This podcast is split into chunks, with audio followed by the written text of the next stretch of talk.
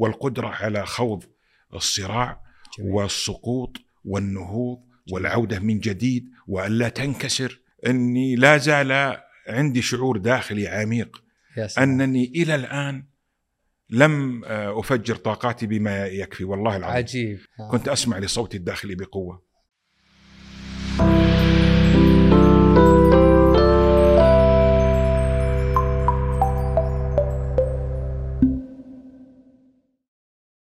السلام عليكم. حياكم الله في بودكاست ملامح. ضيفي في هذا اللقاء الدكتور يوسف الحزيم الأمين العام لمؤسسة العنود الخيرية. حياكم الله بفراس الله يحييك يا دكتور. أهلا وسهلا. هلا بك وساعة مباركه وتشرفنا بك في هذا الله اللقاء. يبارك فيك. شكرا لك على الدعوة. الله يعطيك العافية دكتور نتشرف بك. آه، دكتور يوسف السيرة العطرة اللي يعني آه، نعرفها عنكم وعن مسيرتكم التعليمية والثقافية والفكرية وأيضا مسيرتكم العملية. آه، إحنا في بودكاست ملامح عادة يعني آه، لا نتحدث فقط عن السيره الذاتية بل نتجاوزها إلى ما يفيد المتابع كيف يستفيد من هذه التجربة تجربة النجاح التي مر فيها الضيف. جميل. آه، الدكتور يوسف يعني بدايات النشأة كانت في مدينة الخبر صحيح. آه، حدثنا عن البدايات حدثنا عن الناس حدثنا عن ال- الوضع الاقتصادي المعيشي السابق اللي كان في في تلك البدايات. والله كنت محظوظ إني آه يعني آه أعيش في السبعينات الميلادية.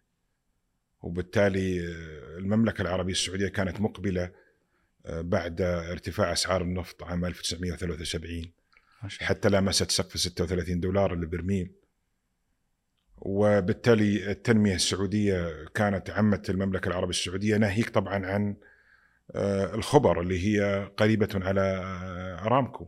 بالضبط. فبالتالي أنا عشت هذا الظرف. آه، ال- هذه النهضة الكبرى. والدي يعمل في أرامكو أنا مهم. عملت في أرامكو. ما شاء الله. جدي عمل في أرامكو. الأمور متوارثة أجل صحيح. فابن طبقة وسطى. في مجتمع مجتمع مركب. آه كيف مركب؟ مركب بين بدوي و وحضري بين نجدي و... وشرقي. بين و... عربي وغير عربي أحيانا. آه العرب آه على الأقل أنا ما كنت أراهم كثيرا باستثناء في منطقة ما آه. معينة كانوا يعملون في الصناعة. لكن بيئتنا أنت تستغرب إن السعوديين كانوا يعملون كل شيء في ذاك التاريخ. عجيب. لأن فرص العمل كانت محدودة. آه. أرامكو شكلت إعادة آه، البناء ال- المجتمعي والاقتصادي للمنطقة الشرقية وع- وعلى التأكيد ال- الخبر بالضرورة والظهران طبعا جميل. والدمام بكون جميل. القرب طبعا وهي لعبت دور في إعادة تشكيل الذهنية الذهنية الثقافية العادات التقاليد. حتى اني أتذكر مثلا الوالد الله يطول في عمره نحن ننام آه، بعد صلاة العشاء مباشرة. ونستيقظ الخامسة خامسة والنصف صباحا. يا سلام. هكذا اعتد يعني اعتدنا على هذا النمط.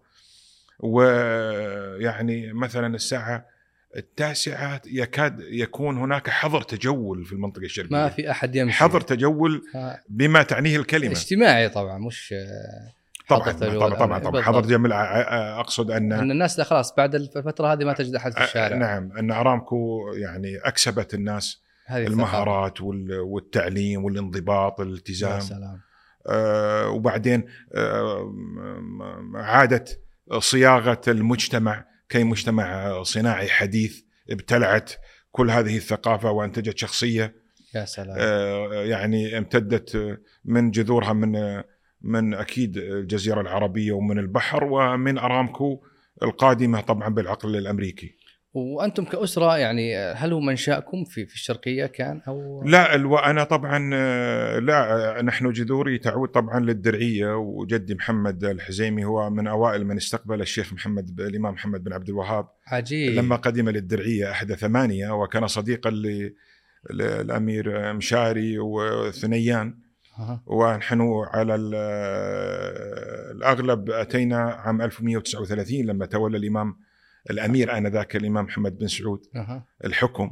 آه، وجينا من طبعا جدي كان طالبا عند أبو الشيخ محمد بن عبد الوهاب اللي هو عبد الوهاب. عبد الوهاب. أي أبو الشيخ محمد. وبعد ولذلك سمى أحد آه، عمامي عبد الوهاب وجدي اللي هو عبد الله اللي هو كبير البنائين الذي أصبح هو كبير بنائي آه، الدرعية وحي الطريف تحديدا. ما شاء الله. أي نعم.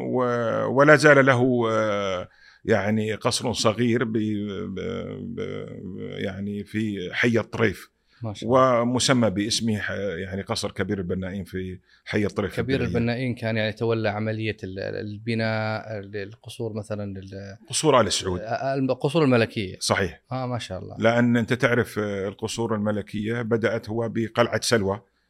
آه، وسكنها الأمير محمد آه، بن سعود آنذاك ثم أصبح الإمام لاحقا وهذا طبعا قصر سلوى امتد مع ال- الأمير عبد العزيز بن محمد بن سعود. تلا ذلك قصور الأبناء طبعا سعود بن عبد العزيز محمد بن سعود. ثم بعد ذلك آه، آخر إمام للدعوة الدولة السعودية الأولى الإمام عبد الله.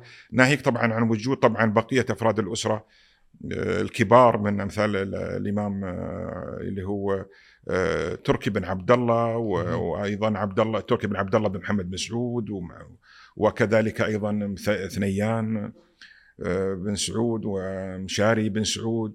وحي الطريف كان حيا كالقلعة امتد وأصبح هو حق حي لأسرة آل سعود. لكن انتقلتم من الشرقية لظروف عمل الجد في أرامكو. لا انت لا انتق- انتقالنا للشرقية حقيقة جاء طبعا آه، جدي آه، محمد أنا قلت لك كان آه، يعمل في شركة أرامكو. وعمل في أرامكو وهو من أوائل من عمل في شركة أرامكو إيش كان دوره الوظيفي كان والله كان دوره أنت تعرف كان سواق كرين شاء سواق. كرين في ذاك الأيام يعني كان تعود بذهنك إلى التاريخ أها. تتصور تتكلم التاريخ عن 90 سنة من طبعا الآن. طيارة كان بالنسبة آه، للناس. يقود طيارة يعني يعني تتكلم عن 90 سنة من الآن 80 سنة في الحدود هذه ولا أي أكثر؟ تقريبا. هو بداية جدي في الثلاثينات في الأربعينات في الأربعينات ال- ال- الميلادية. أها ما شاء الله. في الأربعينات الميلادية. يعني أنت تعرف اكتشاف النفط في المملكة العربية السعودية. طبعا آه، كان في بداية ال- ال- الأربعينات. ما شاء الله. بالتالي في هذا الحدود تقريبا كان. وأيضا أتذكر كان يتقاضى راتبه آه، من آه، تشارتر بانك في آه، في في آه، تشارتر بانك كان في آه، بريطانيا كان في البحرين. أها ما شاء الله. آه، شهريا يروح البحرين ياخذ الراتب. يروح البحرين يتقاضى راتبه ثم يعود. آه، وكان راتبه باليومية. أتذكر كان راتبه ريال الا ربع آه ما شاء الله. نعم. ذيك الريال الريال الربع يعادل طبعا طبعا الآن؟ إي يعادل طبعا. وكان عنده بيتان كان عنده بيت في الخبر في وقت آه، في وقت آه، الشتاء آه. مشتى.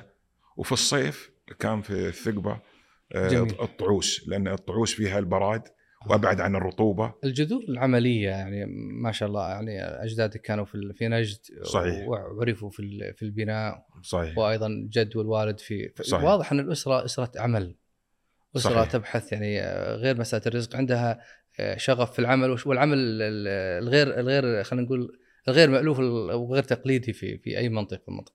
هل هذه الأمور يعني أثرت على نشأة الدكتور يوسف آه، في البدايات؟ والله شوف ترى البيئة النجدية بطبيعتها بسبب شح الموارد تاريخيا ترى كانت بيئة طاردة أها فكان فكان الناس آنذاك لو سألته سؤالا ما أكبر شيء يقول لا أريد أن أموت أها ما في معيشة ما في أكل طبعا في شح الموارد جفاف. شح الموارد الجفاف الآفات.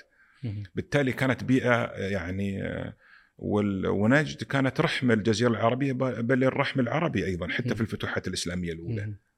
فكانت دائما فاذا النجدي كان بطبيعته مكتشفا يتحمل المخاطر. و...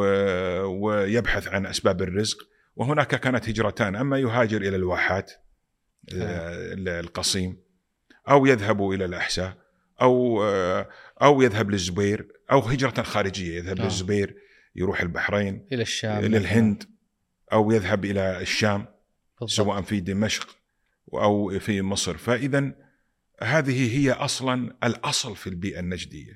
اللي هو الهجرة وليس الاستقرار لأن إيه من نعم. إن استقريت معناها أنت تفرض على نفسك الفقر. بالضبط. وضنك المعيشة طبعاً، ما في والأمراض شك، في تلك ما في شك. الفترة. يعني ه- هذه البيئة أثرت على الدكتور يوسف في إنه يكون رجل رجل آه، شغل رجل عمل يعني امم من تلك الفترة. أي. والله يا أخي أنت تعرف التنشئة لها دور كبير جدا. أنا عندي والد انضباطية عالية جدا. و... خريج أرامكو. خريج أرامكو. أنا أعتقد إن أرامكو هل الجينات لها دور؟ لا شك إن الجينات لها دور. آه. كما يسميها جوستاف لوبون روح التاريخ. هل نحن فينا جزء من آبائنا ومن أجدادنا؟ هذا قطعا. ما في شك.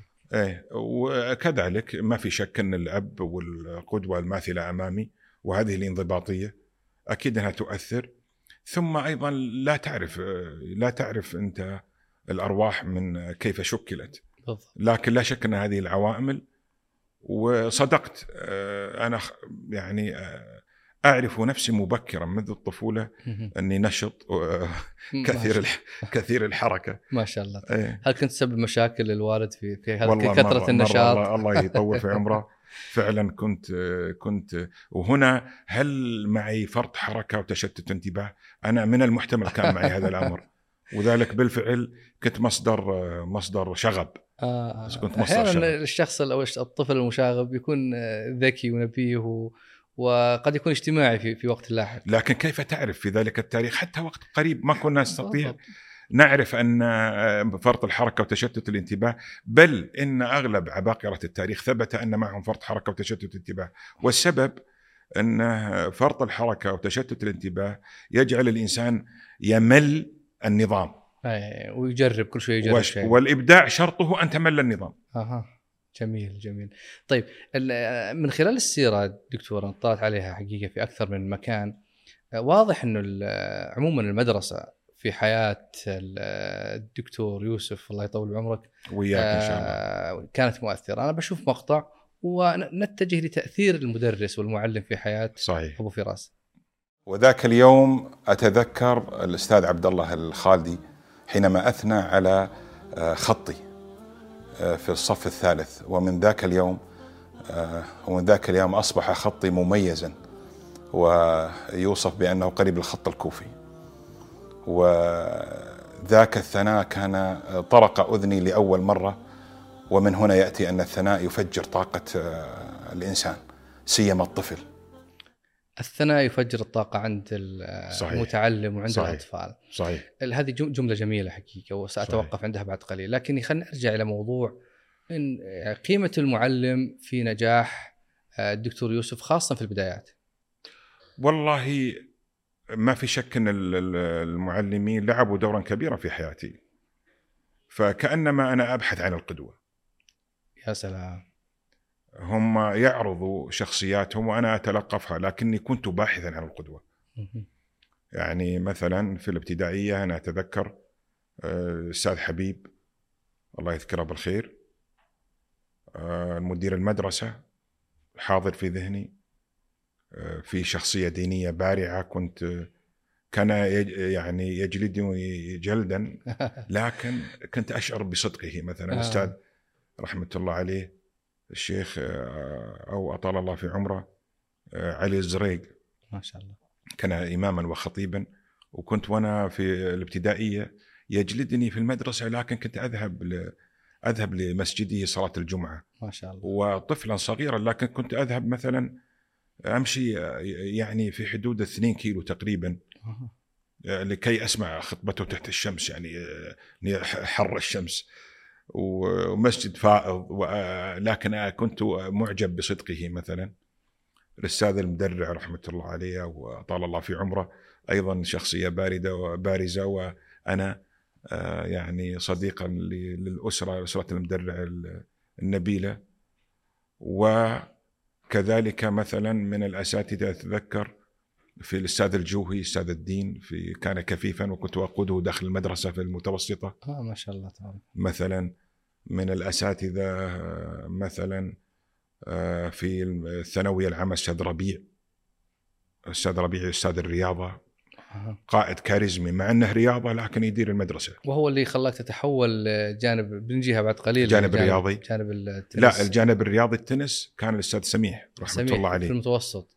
كنت في المتوسط أستاذ آه. سميح كان وشخصية كاريزمية الرجل عنده التزام عالي يتعلم من اخلاقيات الرياضة وحفظتني أيضا في مجتمع كان يموج بتحولات كبرى آه. والرياضة لعبت دور في طيب. احتواء طاقتي الفائضة ما شاء الله ووظفتها توظيفا صحيحا جميل إحنا بنجيها الآن جانب الرياضة في جيد. حياة الدكتور يوسف لكن خلينا نرجع للعباره اللي ذكرتها الجميلة قبل قليل في المقطع إنه الثناء يفجر هذه الطاقة عند صحيح. الأطفال وعند صحيح. الأبناء، هل يعني إحنا مقصرين أو ما بشكل في شك عام ما في في هذا الموضوع؟ صحيح والله شوف حنا لا أجمل من قلوبنا صراحة.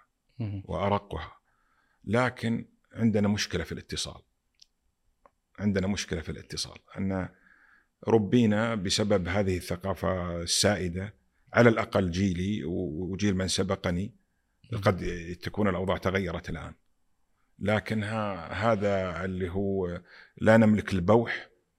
والتعبير والثناء والتحفيز ون- التعبير عن الحب وطبعا هذا من الصعوبة بمكان. يمكن نحن ورثنا هذه الثقافة كانت ال- ال- ال- الحياة ال- سابقا الجافة شوي بالضبط و- والتربية على الصلف لانهم أي- تربوا على. كذا هو يعتقد إن الثناء قد يخرب يخربك و تنتفي أو تنتقص من الرجولة إيه إيه. وذلك الرجولة عليك أن تكون قاسيا آه. جافا آه. آه. جلدا في عصرنا صمودا الحاضر. صموتا يعني يعني هذه حقيقه عبارة جميلة يجب أن يكون فيها توجيه من الدكتور يوسف لكل من يتابع الآن اللي نعم. عندهم طلاب مدارس في المراحل الأولية في الابتدائي المتوسط اللي عندهم أبناء وبنات في بيوتهم وصغار سن يعني ما قيمة الثناء في توجيه يعني هذا الجيل. الثناء أنت تحرك العاطفة عند الإنسان. وتعزز التقدير. جميل. لأن نحن بطبيعتنا خائفين. خائفين ممن دائما في مرحلة الشباب نحن في حالة شك من قدراتنا. إيه. ونبحث عن الثناء والتقدير. وأنت تعرف مثلث ماسلو. دائما هذا أحد الحاجات المهمة والأولويات عند الإنسان انه إنه يبحث عن التقدير. يبحث عن الاعتراف. أها. فالشاب والطفل أكثر من الشاب يبحث عن اكتساب هذه الثقة من الآخر. الله. فالتحفيز هي أداة زرع الثقة. يا سلام. والتقدير والاعتراف والتشجيع. ف وبالنقيض أيضا فما بالك إذا كان هناك نقيض آخر؟ التوبيخ التوبيخ التقريع التهميش الصراخ العنف الأسري. أها. آه، ناهيك عن آه، قد يكون هناك أيضا ما يسمى بالتنمر. التنمر حتى التنمر الأسرة تتنمر على بعض الأخ على بالضبط. أخيه والأخ على أخته أو في التنمر داخل المدرسة فالتنمر كانت ثقافة سائدة في آنذاك لأن مجتمع جالس ينتقل إلى التحضر. و... و... والثناء لما يطرق كما ذكرت كان مفعوله كبير واثره عظيم يا سلام. في بناء الثقة والتقدير وعلى فكرة هو بريد الحب. الله. يعني أنت إن لما تعبر أنت قد تحبني بصمت لكن لا يعني لي شيء. اي اي وكيف أعرف إنك تحبني لا أنت- إذا الغيب. أنت ما أفصحت وصار لا أقرأ الغيب و... و... والإنسان بطبيعته أصلا تفكيره تفكير سلبي. جميل. هذا الثناء على الخط حولك للمسار الفني وخلاك يعني في مسألة جمالية الخط وال- والرسم صحيح. والرسم. نعم نعم صدقت. يعني مثلا آه، بعد ثنائه شعرت أنا اثنى علي على خطي واحسنت خطي من ذاك اليوم حتى اليوم. وجعلني أيضا أحول الخط إلى رسم. يا سلام. يعني أتذكر مثلا الأستاذ يوسف ندى مثلا في. المتوسطة استخدمت الخط في الرسم.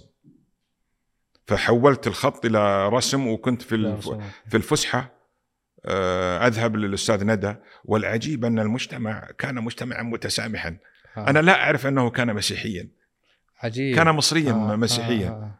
ومجتمع متسامح ومتعايش لأن المجتمع كان خليطا في الخبر من كافة الوافد يعني وافدون من جميع أقطار المملكة العربية السعودية وكان حتى بالصف كان على يميني مصري وعلى يساري فلسطيني أردني مم. هاني البيطار ومحمد عجوزه اتذكره ما شاء الله تذكرهم إلى الآن طبعا. أتذكر لهم له موقف جميل آه. وتتبادل معهم الألغاز أها الغاز ثقافيه إيه. رياضية وأنا كنت نبيه وأقفز الفصول قفزا يعني ما أرسب زي مجموعتي فأصل لفصول آه، يكونون آه، كبار السن بالخلف. اي اي اي فحتى آمنوا على نفسي من التنمر أجلس في الصف الأول. وأكون منتبه للأستاذ وبعيدا أيضا عن الشغف في خلف في عن, الص- عن التنمر. طبعا التنمر. لازم لابد تحمي نفسك في بالضبط. لأن الأعمار متفاوتة في ذيك الأيام. يمكن واحد أكبر منك بسن يدرس معك في نفس المرحلة يعني. صحيح. يعني واحد يكون ضعفك في الطول بالضبط. وفي القوة. بالضبط. إيه؟ هذا أثر الأستاذ في الجانب الفني. أنت أخذت هذا المسار. ال- هل أنت يعني يعني لا زلت الآن ترسم الرسومات وتحافظ على هذه المهارة؟ لا والله أنا تحولت متذوق كبير آه. وأجمع لوحات من جميع أنحاء العالم ليست. لوحات طبعا مكلفة فأنا جامع للوحات الفنان واحيانا يحدوني شعور بالفخر من جهة إشباع. آه الشعور بالفخر ها. واثنين أيضا أشجع ال- الرسا الرسامين. ما شاء الله. اي وعندي بنت رسامة روان ما شاء الله. بارعة. وعندي آه، أنا حقيقة محتوى مقتنيات آه، ممتازة واختيارات موفقة من جميع أنحاء العالم يعني من نيويورك من من سويسرا من مصر من الأردن من أسبانيا. وتتعنى لها يعني تروح لما وتأخذها لا في كل بلد أسافر أنا آه، عندي العصر أو الظهر عادة أصلي جمعا وقصرا وأخرج ألبس وأتأنق ثم سلام. أذهب يطول العمر أما للكتاب وأما للفنون. إيه، إيه، هذا سياحتك. هذه سي... لا هذه سياحتي العصر الظهر. إيه، فيا مشغول في الفنون يا تلقاني مشغول بالكتب وجمع إيه، الكتب. إيه، و... أو المتاحف والى اخره ثم أعود أنام أستيقظ من أجل الليل. إيه، وتروح تمشى وتاخذ طبعا في عاد الليل آه، إيه. ما في شك آه، الإنسان أنا آه، أزعم إني ذواق في موضوع الطعام آه و- ما شاء الله وأحب المطاعم آه. الممتازة وذواق في- أكيد الفنان لازم يصير ذواق فهمت؟ عندك رسومات محافظ عليها الآن قديمة آه لا لا لا لا يعني ترى الوعي بالذات ما جاء إلا إيه، متاخرا آه آه. يعني ما ترى ابن طبقة متوسطة أنا في جميل. الأخير جميل ترى موضوع المذكرات والأرشيف والألبوم ذا ما عندنا يعني ما نعرفه. جميل. في المسار ال- يعني من مراحل الحياة المهمة في حياة الدكتور يوسف المسار الرياضي. صحيح. يعني كأنه لما جاء المرحلة المتوسطة قال هذا أنا. أي. وتعمق في هذا المجال حتى صحيح. أصبح اسم بارز حتى على مستوى المملكة. صحيح. حدثنا عن هذه الفترة. والله قلت لك آه، في الرياضة آه، تلقفني كنت محظوظ في نادي الثقبة النهي طبعا أحد أحياء مدينة الخبر وتلقفني الأستاذ سميح وكنت ألعب تنس الطاولة وألعب التنس الأرضي في مرحلة الناشئين وحتى تصنيفي كان آه، الثالث على مستوى المملكة في الناشئين. في التنس الأرضي. التنس الأرضي. آه ما شاء الله. و... وأيضا كنت الأو... أخذت ال... الأول على مستوى الزوجي التنس الأرضي. ما شاء الله. لكنها بالفعل أستاذ سميح رحمة الله عليه ولا زلت على صلة بأسرته في الإسكندرية. وبالفعل يعني هذه الطاقة الفائضة آه، استطاعت استيعابي. وكنت أقضي يوميا على الأقل أربع ساعات ترى عجيب. والله أربع ساعات أوه. إلى أربع ساعات. وصلت إلى مرحلة الشغف عندك. نعم أصلا لا أعرف المدرسة والرياضة. فقط. فأنت تعرف ولذلك حتى بناء الحمد لله العضلي أثر هذا لاحقا ترى ما في البناء العضلي في الجسم. لما تبنيه بناء صحيح يساعدك في المستقبل البناء العضلي. جميل. واثنين أن الرياضة أيضا تحفظك من من تحفظك من من أصدقاء السوء. آه، الرياضة أيضا آه، الرياضة أيضا فيها تنافس. و- والإنجاز والفخر بالإنجاز والنجاح والفوز.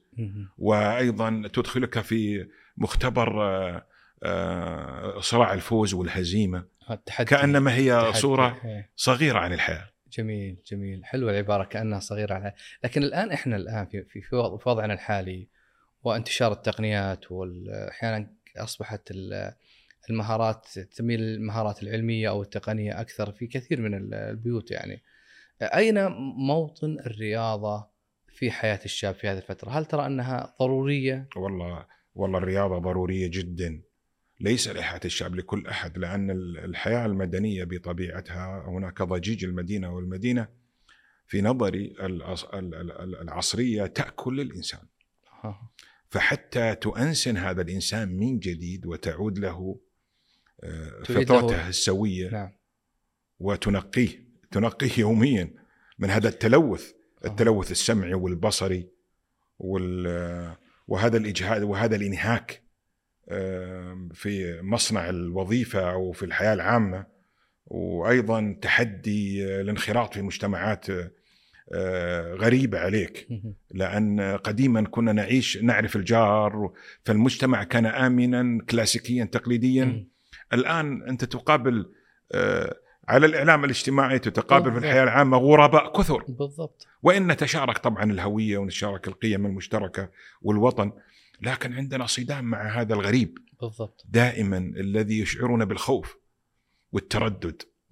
واحيانا بالتالي هذا القلق قلق المدينة أعتقد أن الرياضة لديها القدرة. اثنين موضوع الطعام الرديء.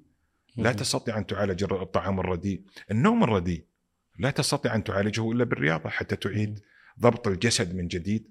ويتحمل يكون لديه قدرة على آه، خوض غمار الحياة والنجاح فيها جميل. ومواجهة هال مواجهة هذه التحديات آه، تحديات العيش يا سلام لذلك دور الأسرة الآن كأني أفهم من كلامك متابعة أبنائهم في غذائهم في نومهم في في رياضتهم وخاصة إذا كان في البدايات يعني وعدم تركهم في بعض الناس يقول والله أنا دام ولدي في البيت أنا مرتاح عنده الآيباد ولا عنده اللابتوب. ولا عنده التلفزيون وانتهينا يعني. مصيبة. ويرى أنه آه، هو آمن آمن في سربه يعني ما- آمن في بيته. لا والله ولا آمن. يعلم يتخ- تتخطفه أحيانا عقول وتتخطفه أحيانا جهات وهو لا يعلم. ليس بالضرورة ترى ان إنك أنت تتحرك من أجل الخوف.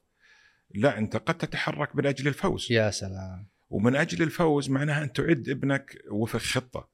والخطة هذه تبني فيه الجانب الروحي.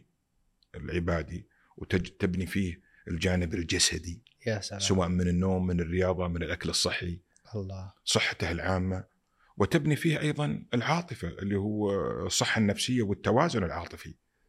بعض الناس يسمع الكلام يرى أنه هذا كلام نظري. طبعا هذه مشكلة. مع الأسف يعني. لكنه هل في أسر تعتني بهذه الجوانب؟ وقفت عليها بحكم علاقاتك الواسعة؟ يعني آه، على الإنسان أن يسعى. أها. على الإنسان أن يسعى قدر ما يستطيع. لا يكلف الله نفسا إلا وسعها. فحنا نبذ نطلب آه، عنا علينا أن نطلق المعايير.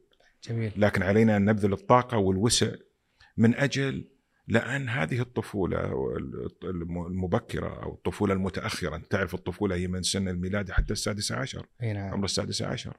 فحتى نبني هذه الطفولة اللي هي أخطر مرحلة والإنسان تراه طفل كبير. طفل كبير. ولا يمكن أن نتخلى عن طفولتنا مهما حاولنا آه، من جهد علمي ودربة في الحياة ستظل طفولتنا حاضرة. ولذلك ولذلك على الآباء اللي هم أن يحسنوا هذه التربية من أجل مستقبل أبنائهم. يا سلام.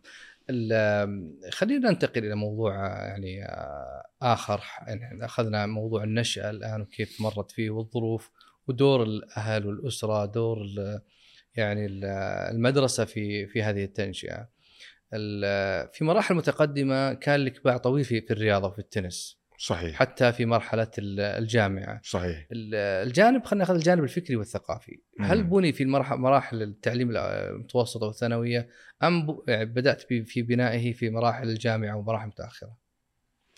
آه. طبعا أنت تعرف حتى الثانوية العامة أنا ارتبطت ب آه، بالقراءة. القراءة وكنت آه وكنت طبعا منهمك في قراءة الألغاز. أها. المغامرون الخمسة. وطبعا أكيد سوبرمان حاضر أكيد الوطواط أكيد طرزان. ف... فكنت شغوفا في مرحلة مبكرة في المرحلة المتوسطة كنت شغوفا بالقراءة. فاذا نفسي في القراءة بدا مع الالغاز يا مع سلام. القصص. يا سلام. وفي الثانوية كان مرحلة الرياضة. أها. يعني قلت لك أنا أقضي خمس ساعات في الرياضة. ركزت عليها أكثر. ركزت عليها أكثر صحيح. و... و... وثم عدت للقراءة مع تخصص العلوم السياسية. إيه، طبعا في الجامعة يعني تخصصت في البكالوريوس في جامعة الملك سعود في صحيح. العلوم السياسية. صحيح. وكانت الجانب الثقافي والرياضي يكونون في مسار لا والله للأسف تركت الرياضة. في الجامعة وقفت. على ط- دخلت وكنت كابتن منتخب جامعة الملك سعود للتنس الأرضي في السنة الأولى. إيه. ثم بعد ذلك أنت تعرف أن انتقالي من الخبر للرياض حيث عدت يعني إلى العائلة الممتدة الكبيرة سواء. خوالي أو عمامي. ما شاء الله. هذا جعلني أف- أفتش آه، هذه العائلة الممتدة أكلت وقتي. فكنت نهم في العلاقات الاجتماعية. ونهم لأن لأن كنت آه، كنت عطشان لهذا لهذه لهذا. التواصل لهذا التواصل. يمكن فقدته في الشرقية هذا طبعا فكنت وحش. آه، علاقات اجتماعي في السنة الأولى آه، حتى. أتذكر أني أصبت بإنذار. آه، لأن قضيتها في علاقات اجتماعية. أتعرف على عمقي. وعلى امت- امتدادي الأسري. انذار في الجامعة وكان طبعاً. بالنسبة لي طبعا انذار إيه، في الجامعة. إيه.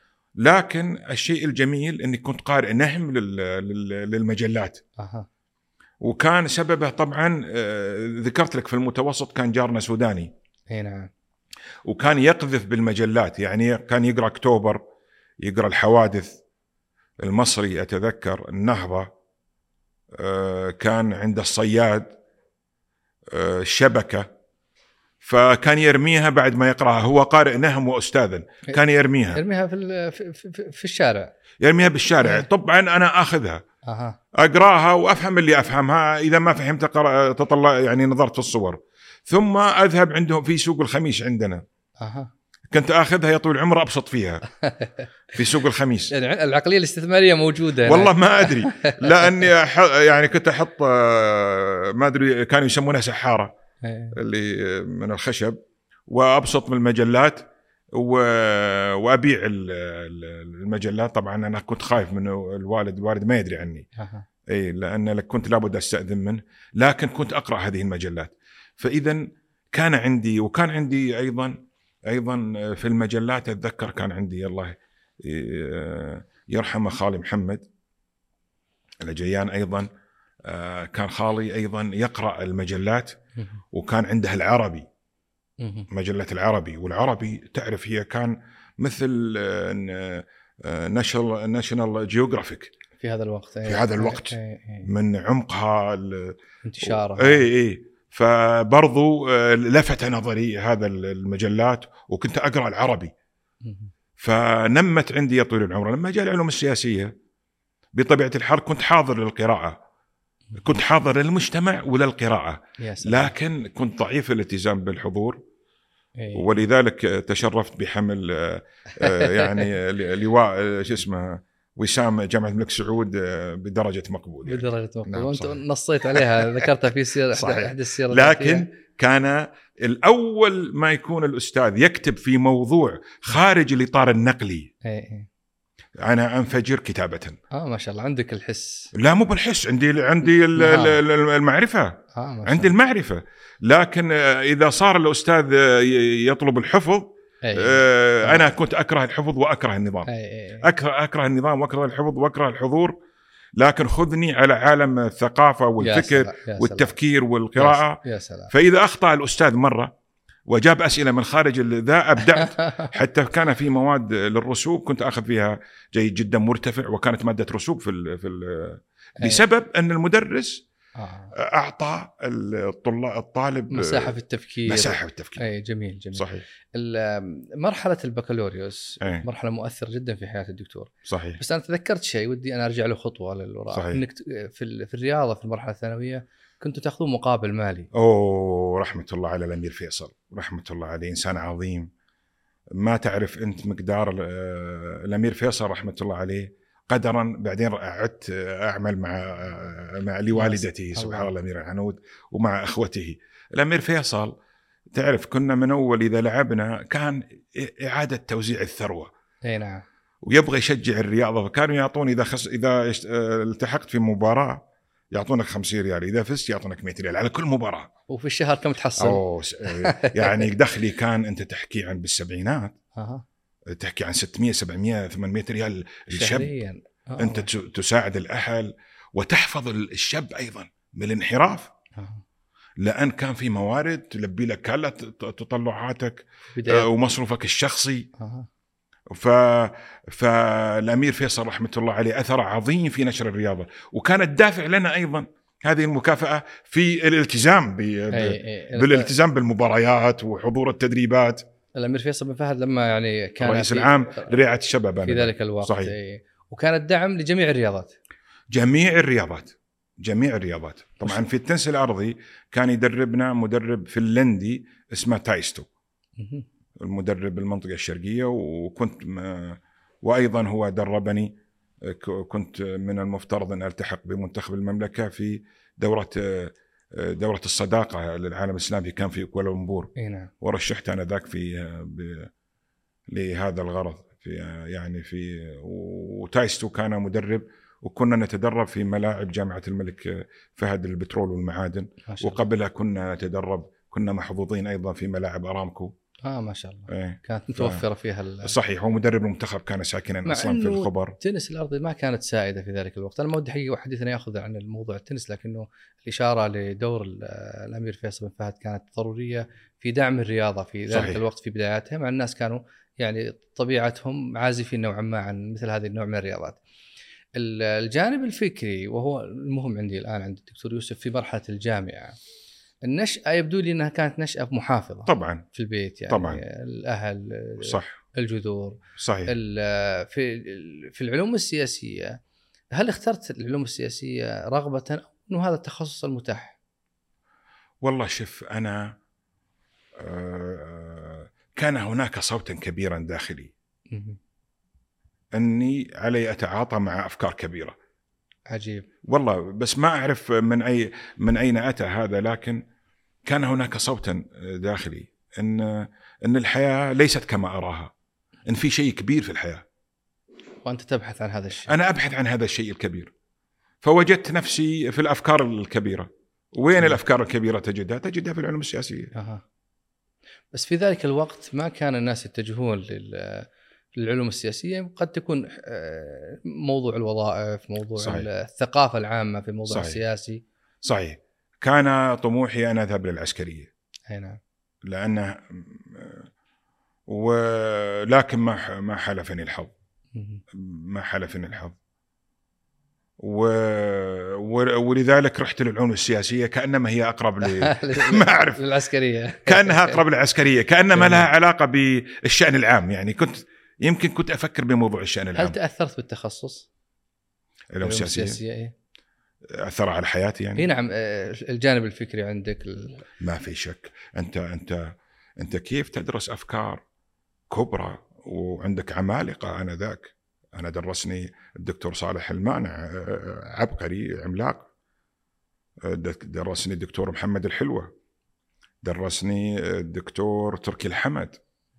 درسني الدكتور عبد العزيز الفايز. درسني وهذا درسني الدكتور عبد العزيز الرواف. فأنت تحكي عن عمالقة كانوا آه، مفكرين عظام خارج من أمريكا ونشيطين.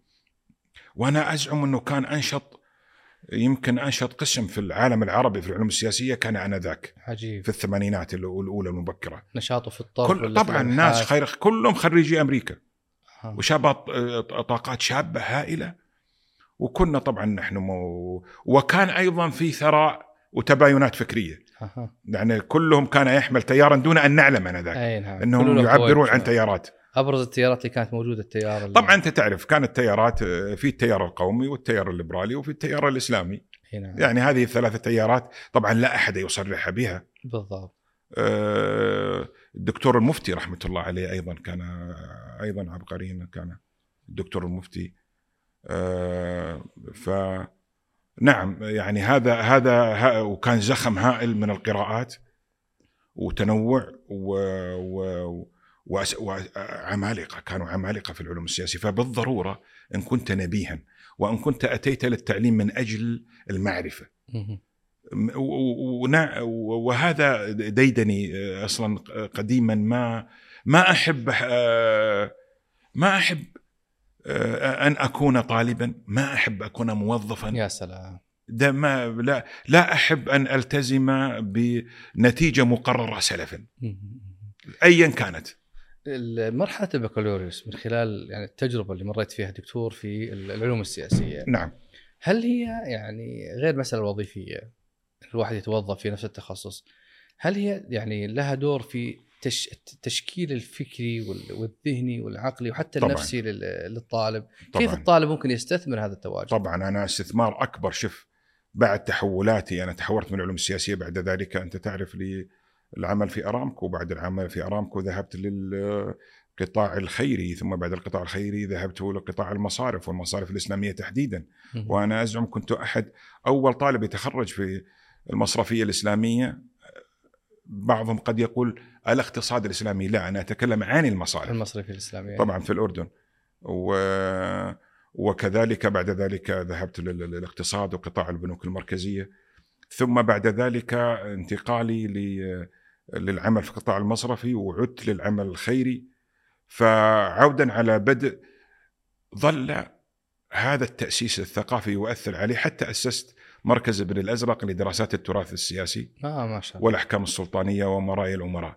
يعني هذا مركز في لبنان أسسته وله إصدارات عش- 20 اصدارا طبعا بقيادة آه، رأس لجنة ال- الخبراء الدكتور استاذي الدكتور رضوان السيد. مع كثرة التنقلات اللي صارت في ال- في الوظيفة إلا أن ال- يعني ال- صح، السياسة ظلت موجودة. الرغبة للجانب السياسي موجودة حتى أسست مركز طيب وحتى ظهوري الإعلامي ترى كنت أظهر بالقناة الأولى أيضا محللا سياسيا آه. أظهر في برنامج الأسبوع في ساعة آه، ظهرت أيضا آه، آه، مع الدكتور المريخي أيضا آه، في آه، القناة الإخبارية آه، احترفت ترى التحليل. السياسي في. فترة ما الحقيقة يعني مرحلة البكالوريوس أنا م- يعني مهتم في هذا الجانب لأنه آه، كثير من ابنائنا وبناتنا في في هذه المرحلة يعيشون في مرحلة ذهبية في من حيث التعليم من حيث وسائل التعليم من حيث توفر وقرب الجامعات جودة اعضاء التدريس الموجودين فيها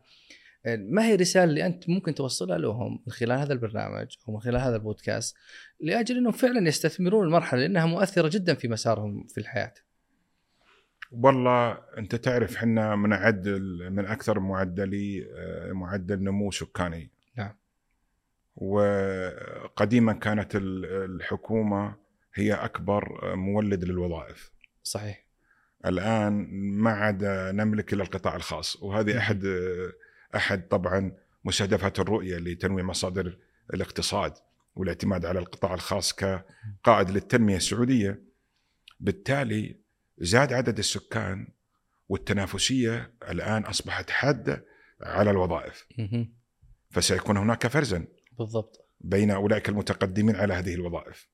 فبالتالي والدولة مع رؤية المملكة 2030 تحولت من الدولة الريعيه والرعوية، الريعيه يعني مصادر الدخل، بالضبط. ورعوية ال- الأم. لا آه، لا لا- لعبت دورا جديدا الآن هي وهو دور الدور هو المحرك. لكافه فعاليات الاقتصاد. يا سلام.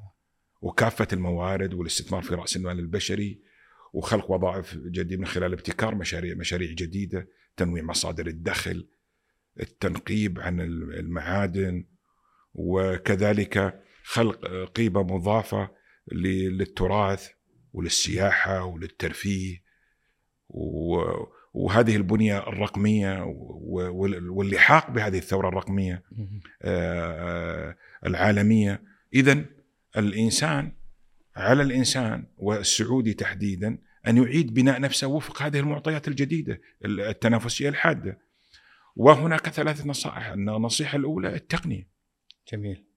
لا تستطيع الآن آه، آه، والتقنية في في بعديها بعد التقنية العامة. والتقنية المتخصصة كل بحسب تخصصه حسب مجاله نعم. وتطبيقاتها فلا بد ان. تلم بافضل تقنيات موجودة في تخصصك اللي يشتغل عليها وهو في البكالوريوس طبعا حتى و- يستفيد. وسيما أن التعليم أصبح تعليما ذاتيا وأنا بالضبط. أنادي أن الناس تبدأ تعتمد على ما يسمى التعليم الذاتي أو ما يسمى بالتعليم المدمج. لأن المو التعليم الحالي سوف يموت. لا محالة والولايات المتحدة الأمريكية قد أسقطت الآن الشهادات للقبول على الوظائف إنما تتقدم مم. على الكفاءة والمهارات أها يا سلام. وهذا سيحدث قريبا بل حدث حاليا الآن. فاذا عليك أن تبني مستقبلك وفق هذه التقنية وتسخيرها واحترافها، الأمر الثاني اللغة اللغة الإنجليزية أصبحت لغة نعم. عصرية لا أحد يستطيع الاستغناء عنها لغة التخاطب العالمية وأصبحت حاضرة بقوة الأمر الثالث أيضا اللي هو ال- المهارات المهارات إدارة الذات جميل. والذكاء العاطفي جميل. وأيضا آه، وإدارة الذات بما يعنيه بما يعنيه اللي هي اللي ما يسمى آه، الصحة النفسية والصحة آه، آه، آه، الصلبة في مقابل الهشاشه جميل. والقدرة على خوض الصراع جميل, والسقوط والنهوض والعودة من جديد والا تنكسر. جميل. ومهارات القيادة والتأثير والاتصال كل. هذه مهارات أصبحت الآن ضرورة للانخراط في بالضبط. وظائف العصر حتى يؤهل نفسه وهل ترى التطوع جانب مهم أيضا طبعا التطوع هذا عنصر جديد لأن التطوع يخضعك لبيئة آه، تسمى المحاكاة يا سلام تمارس فيها القيادة والاتصال وروح الفريق والفشل والفوز مم. والتخطيط والتنظيم جميل. المشروع المشاريع التطوعية. ناهيك أيضا أن تط... أيضا أن تذهب إلى ما يسمى التدريب على رأس العمل. حتى لو دعوت دعت الحاجة أن تدفع في مقابل بيئة تعطيها من أجل أن تتدرب على رأس العمل. يا سلام. لأن إذا جيت أنت عندي في مقابلة أنا سوف أقبل سوف أنظر معدلات التطوع عندك ساعات تطوعية وأشوف التدريب على رأس العمل. حتى لا تعيد لا تجرب فيني. وبالتالي كأنما ترسل رسالة تقول للقطاع الخاص أو لمن سوف يعينك أنا جاهز للانخراط في. الوظيفه ولذلك كثير من الجهات تحتاج واحد جاهز ويمتلك المهارات وجاهز في في في تنفيذها وتطبيقها. صحيح. جميل. بعد الجامعة ذكرت إنك توظفت في في أرامكو. صحيح. آه كان إيش مسمى الوظيفة في ذلك محاسب محاسب في المحاسبة اي اي وهذا طبعا درست سنة لغة إنجليزية. فادني كثيرا. وتعلمت أيضا الالتزام وتعلمت ال- المهنية لأن أرامكو تربي. حتى أني أتذكر أن إذا دخلت الوظيفة يعني الدوام يبدأ السابعة وإحنا نخلص من الدوام الثلاثة ونص. مهم. السابعة إذا جيت سبعة وعشرة يعني كارثة. عجيب. سبعة وعشرة أصلا ال general manager تلقاه عند البوابة قاعد ينتظرك. أوف. وإذا تكررت منك ثلاث مرات سوف تستدعى. أنت ارتكبت طامه كبرى. حتى كذلك في الكلية أنا در- درست في نظام البلك لتاهيل الجامعيين. إي نعم. لأن إحنا خريج العلوم السياسيه فتم اعاده تأهيلنا. وأتذكر من من موضوع ال- ال- الجرأة أني كتبت آه، لرئيس أرامكو علي النعيمي وشخصية عظيمة. وأنا قرأت كتابة حقيقة وشخصية ملهمة. وكتبت لها أعترض على تعييني في وكل حذرني الا تكتب لرئيس أرامكو. وحذرني ان لا أكتب. وكتبت رسالة وعملت عريضة ووقعت الزملاء عليها. لأن حطونا الحين التخصصات ال- الأدبية على جريد 8 اي إي. بينما التخصصات العلمية أو خريج أمريكا حطوهم على جريد 11 اي نعم. وبالتالي أنا شعرت بهذا الظلم آه، عدم العدالة الاجتماعية. إيه، فكتبت رسالة إلى ورحت وصلتها لمكتب علي النعيمي. الله يطول في عمره وشخصية عظيمة ورد علي الرسالة دكتور. جميل. ردوا ردوا. عظيم. ردوا عظيم كان لطيف ويعني آه، وكل اللي خوفوني. تعرف أن قادتنا في المملكة العربية السعودية عظام متواضعين؟ يا سلام. دائما عندك آه، يحذرنا من القادة دائما الجبناء. أو الحاشية السوء. التي تحول بين ب- آه، الوصول أما رأس الهرم في المملكة العربية السعوديه في كل مكان على الصعيد السياسي والاقتصادي والأدبي والثقافي. حقيقة عندنا نخب آه، نخب من القادة نفخر فيهم أنهم يقودون التنمية السعودية. ولذلك إن كان عندك شيء اكتب ترى آه، جميل. ولذلك أنا كتبت بعد ذلك رسائل الملك عبد الله كتبت للامير نايف رحمة الله عليه فتعودت من ذلك التاريخ أن أكتب. يا سلام وصادقا فيما أكتب يعني أنا لمست فيك حب المبادرة صحيح يعني أنت بادرت وأيضا الشجاعة موجودة يعني في أنك تخاطب أعلى الهرم في أرامكو للمطالبة. بحق ترى أنه صحيح. حق من حقوقك. طيب خاطري ورد علي إيه. ونسيت أنا خلاص مشت الأمور هل المبادرة والشجاعة يعني يعني يعني كيف الشاب ويعني يستطيع أن يكتسبها؟ مو بسهل ترى الواحد يبادر ويطالب بحق إنه ممكن يخاطب رئيس الجهة أو إنه آه، ممكن إنه يعني خلينا نقول آه، يمتلكها في مواقف محددة في في ظروف محددة. إلى أي مدى هذه مهمة في صفات الناجح؟ والله آه، نعود لموضوع النشأة. النشأة النشأة كلما عززت الأنفة. نعم. الأنفة ترى مو الكبر. جميل. عند الطفل كلما أصبح أبيا. يا سلام. لا ينكسر. يحمل العزة معه. يا سلام. وكلما هشمته هذه العزة وهذه الأنفة سوف تقتل الشجاعة والمبادرة نعم. والابتكار والإبداع. والريادة والقيادة من وراء آه، قتل آه، قتل آه، هذا الطفل معنويا يا سلام في بيئتي لا كنت أرى هذه الأنفة مهم. وهذا الأنفة مع التواضع انتبه بالضبط ما هو الكبر المتزنة ولا- نعم، إي المتزنه نعم. نعم. في المتزنة في نعم. الموضوع هذا صحيح بعد الارامكو ما طولت فيها يبدو. أي شعرت أنني تس صغير وأعود لموضوع الفكرة الأولى أني أتعاطى مع أفكار الكبرى يعني قراءاتي واسعة وكبيرة و... وأقرأ وأتعاطى مع أفكار عظمى لكن كان دوري على. آه. جريد 8 في وظيفة يعني صغيرة جدا يمكن يعني مو بهذا أنا يعني كأنك تقول لنفسك طبعاً. لا لا لست هذا الشخص لا لا لذلك بحثت عن مجالات تشبع نهمك خلينا نقول صحيح. الداخلي إنه أبحث عن مكان قيادي أبحث عن مكان صحيح. يعني أطور من مهاراتي فيه. صحيح. انتقلت بعدها إلى؟ انتقلت بعدين لهيئة الإغاثة الإسلامية العالمية في الباكستان. يا سلام. وتصور لأن طبعا أنا سعودي والسعودي يحتفى به كمبادر ويعمل في الخارج في القطاع الإغاثي يا سلام. وأيضا متعلم وخ- وخريج مدرسة ارامكو فلا شك أصبحت نائب رئيس هيئة الإغاثة الإسلامية العالمية في الباكستان. وكشمير وأفغانستان لكن مقرنا كان في الباكستان ورحت في هذا العمر المبكر وإذ كم كان عمرك وقتها؟ والله كان عمري الظاهر 26 سنة 26 إيه. 26 وتح وعندي ميزانية يا طويل العمر في حدود ال 50 مليون وتحت قيادتي 3500 موظف. تحدي كبير أوه. تحدي كبير وتحدي دولي أنت تتصور تتعرض لاختبار القيادة في هذا الدور وتحدي أيضا يعني في الظروف اللي رحت فيها يبدو لي في الثمانينات أو لا. رحت أنا 89 أو 89 إيه. مم. الظروف اللي كانت هناك يعني التيارات الفكرية والتشدد. واحيانا الإرهاب في ذيك الظروف صح وأنت تعمل في عمل إنساني في بيئة صح. ملتهبه كيف قدرت يعني حقيقة يعني آه، تمارس وتستمر في العمل؟ الفكر الفكر كيف؟ أنا أول شيء تربيتي تربية محافظة مم. معتدلة وأنت تعرف الخبر فما نعرف نحن أصلا هذا الت- التشدد أصلا تاريخيا غير موجود. منطقة قريبة على البحر وأرامكو. نعم. ما يعني وأيضا الرياضة. الرياضة على فكرة أنا لا أعرف أن في أحد متطرف رياضي. عجيب. الرياضة تهذب ترى حتى الاعتدال عند الإنسان.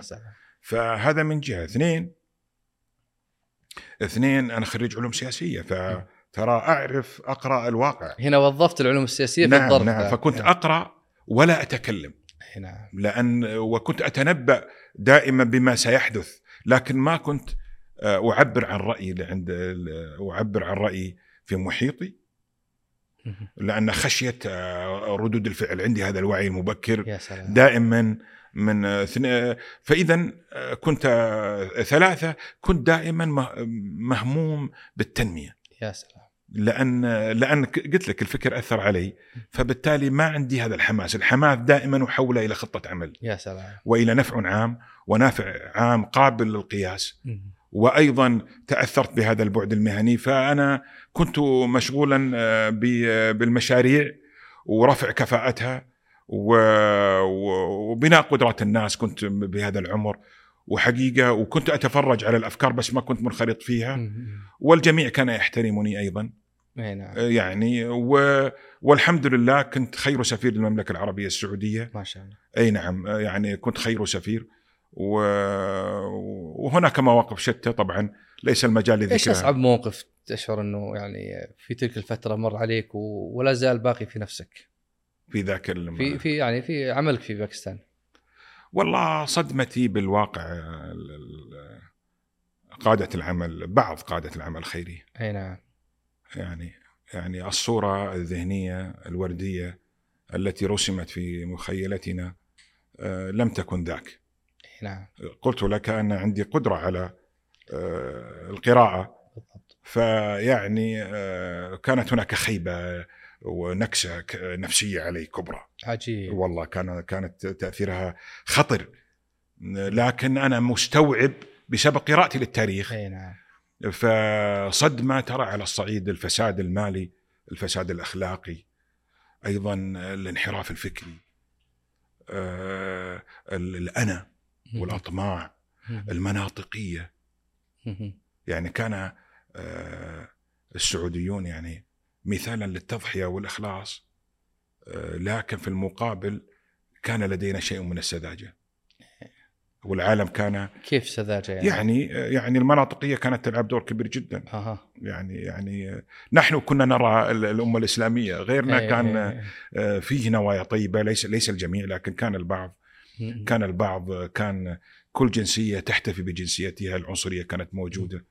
أيضا تلك الأحقاد والصورة التي كانت آلمتني كثيرا في آه، نظر المملكة العربية السعودية قيادة آه. وشعبا أيضا من ذيك الفترة كان فيها نعم، من يعني ذلك طبعاً. نظرة سلبية طبعا طبعا أنا كنت في مجالس الخاصة آه. وأسمع وأسمع ترى سمعت كلام كبير جدا يعني عن- آلمني بس ما كنت أنا أستطيع أن أواجه هذا العالم كنت منشغلا ب- عندك هدف معين دور محدد ما ودك لكن لكن. كان هناك حملات جائرة ومستهدفة وكانت هناك كراهية غير مبررة. عجيب. وحتى كراهية آه، آه، اعذرني في العبارة آه، غازي القصيبي عنده كتاب جميل اسمه آه، أزمة الخليج محاولة للفهم إي نعم. وكان يقول موضوع الشمال والجنوب والم والمركز والأطراف إي نعم. والمتحضر والبدوي هذا وجدته متجسد هناك آه. رغم هذه الشعارات الدينية الكبرى. الصدمة اللي حصلت هل يعني من أسباب تركك لل...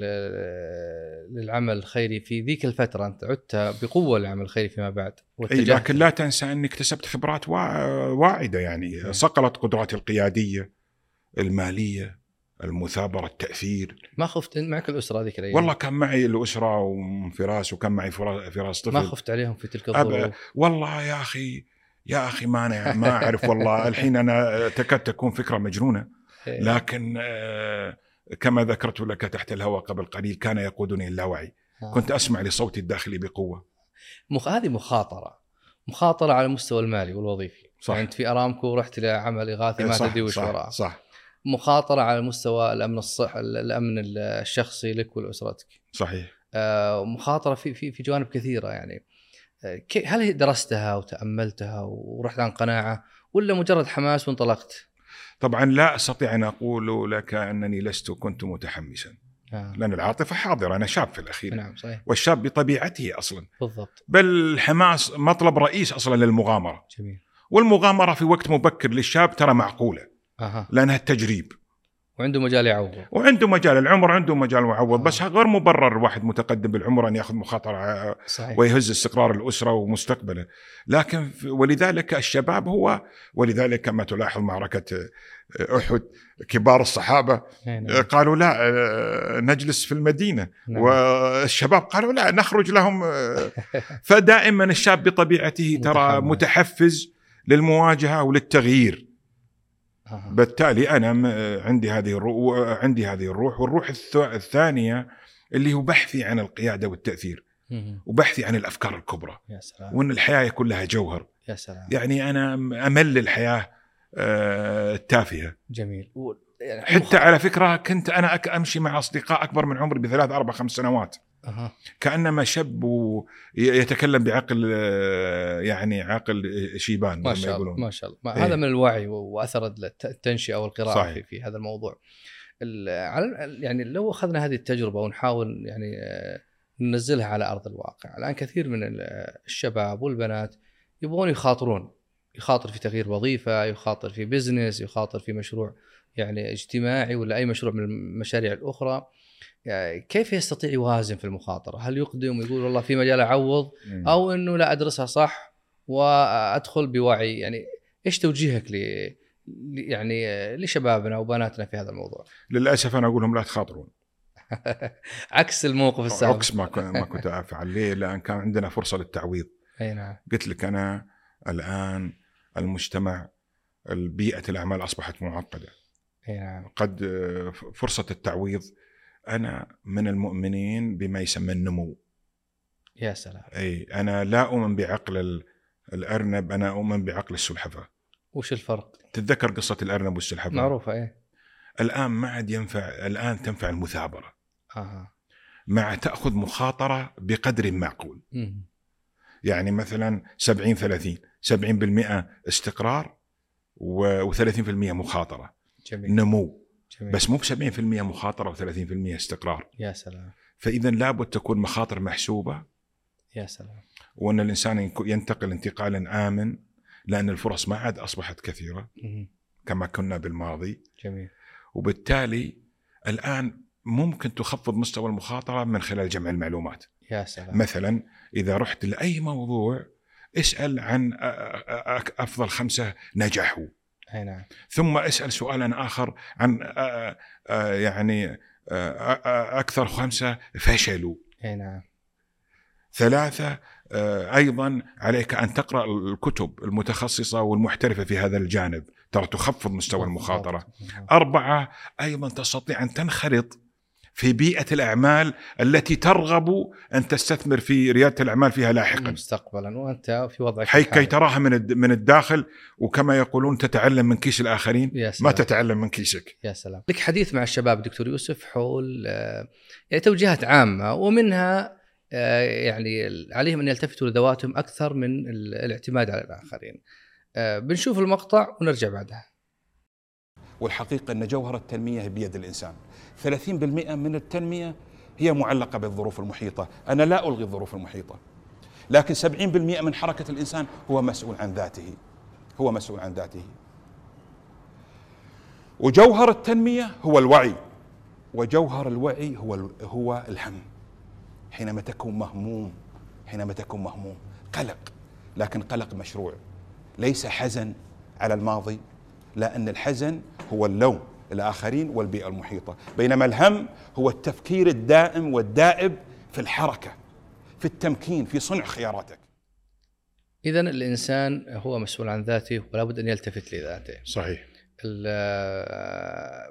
كثير من الشباب أحيانا أو الناس يريد من يأخذ بيده إلى إلى النجاح. صحيح هل النجاح ينطلق من الداخل أو من المحيط؟ دكتور أنا كنت حالم وطموح وقارئ. لكن كنت أفتقد إلى تحويل الأفكار إلى برامج عمل.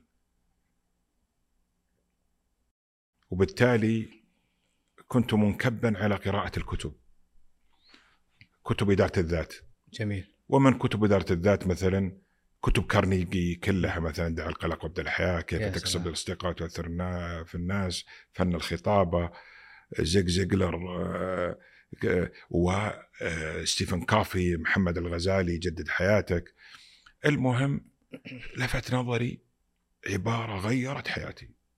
وهي العبارة في آه، كتاب آه، ستيفن كافي العادات السبع لأكثر الناس إنتاجية. مهم.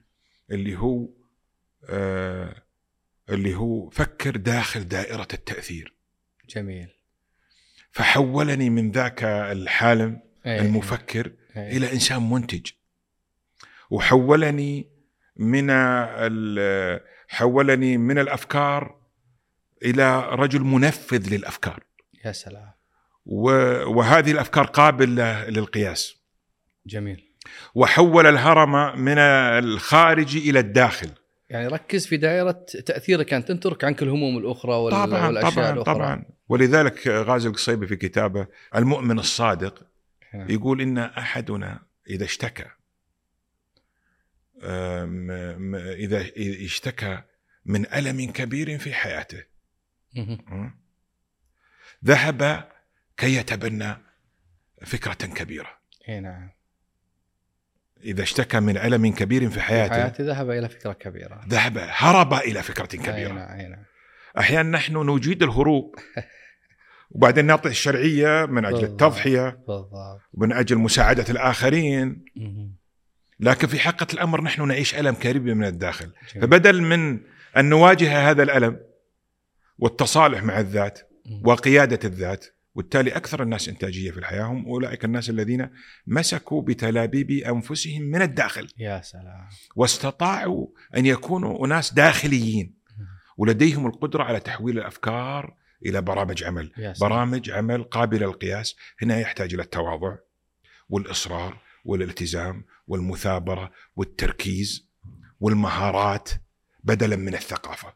يا كثر من نشوفهم في الحياة مثقفين. نظريين. ابدا لكن في واقع العملي قلة آه. من أولئك الناس محترفون. كأنك تقول لل- للشباب وال- والفتيات يعني انطلقوا من داخلكم. ما في شك. واستثمروا هذه إن الشبابيه الله لا يغير ما بقوم. حتى يغيروا ما بأنفسهم. بس هذه القاعدة الأصلية. إن أردت أن تغير الكون فابدأ بتغيير نفسك من الداخل. يا سلام. إيه. لا يمكن أن تكون آه، ناجحا وتغير مسار حياتك وأنت تسير على نفس الخطوات السابقة ونفس الخطة السابقة. وبعدين دكتور لا تحمل نفسك مسؤولية أكبر من طاقتك. يعني ما الذي يجعلك أن تريد أن تغير العالم وتغير الواقع والمجتمع؟ وأنت في عمر مبكر. من من الظلم بمكان أنت في هذا العمر المبكر. أنا أفهم واحد وصل للسبعين في الستينات وعريق في الحكمة وتجارب الحياة. بعدين قال الرجال دعني أنظف الإصلاح. جميل. وأنقل هذه التجربة الأخيرة. أفهم.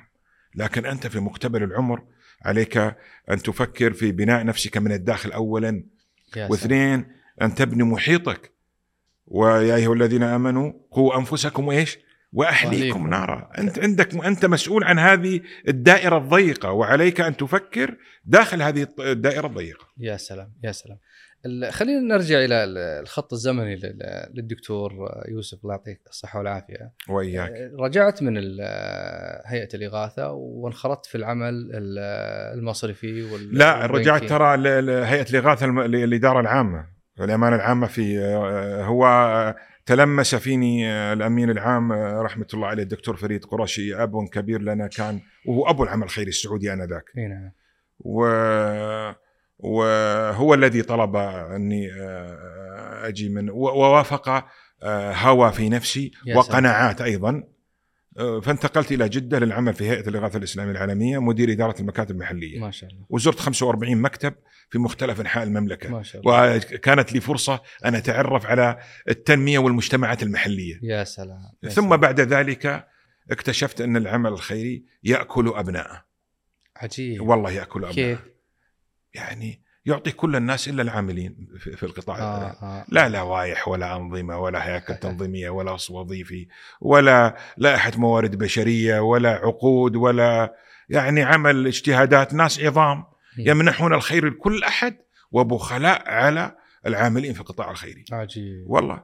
فبالتالي يأكل ابنائه واحتسب أنا بحتسب لكن لأن أغلب قيادات العمل الخيري انذاك أتوا من الجامعات أساتذة. أي نعم. وعندهم دخل إضافي من من وظائفهم الجديدة وعندهم رواتب. أما نحن كنا آه، مطحونين. مطحونين يعني. لأن أغلب الدكاترة انذاك خدموا العمل الخيري. لكن ضروا العمل الخيري من حيث لا يحتسبون حينما آه، ما آه، مكنوا لبناء قيادات شابة داخل تلك المنظمات. ولك كتاب حول التمكين. أوه أوه، صحيح. التمكين في العمل الخيري. صحيح. وش, وش كانت فكرته يعني؟ والله- أبرز الأفكار اللي طرحت قلت لك أنا بعدين انتقلت لي آه، أكيد للعمل في القطاع المصرفي. بعدين رجعت العمل الخيري طبعا من خلال مؤسسة الامير العام الخيريه نعم. وأيضا انخرطت في التنمية وقرأت كتاب للدكتور غازي القصيبي اسمه التنمية الأسئلة الكبرى. وفي البكالوريوس قرأت كتاب التنمية آه، وجها لوجه. يحكي قصة التنمية السعودية أي نعم أي نعم وهذه التنمية السعودية غير مسبوقة على على صعيد الانساني أنا أقطع آه. أن لا يوجد تنمية مرت فيها البشرية م? أنا أتكلم عن العمران ما أتكلم عن أي نعم إي. كما مرت فيها المملكة العربية السعودية البناء سلام. الحضاري يا سلام الملك عبد العزيز دخل الرياض أه، في حروب الاسترداد والتوحيد 1902 ميلادي وأنا أزعم أن الملك عبد العزيز لما دخل الرياض أنا أزعم وأقول لك وأنا قارئ للتاريخ وأنا أحب كذلك بني أمية. أن عبد الملك بن مروان كان يعيش أه، عاش حياة أفضل من الملك عبد العزيز على الأقل في مراحله الأولى. من الجانب الحضاري. دخل بالخير. أي نعم.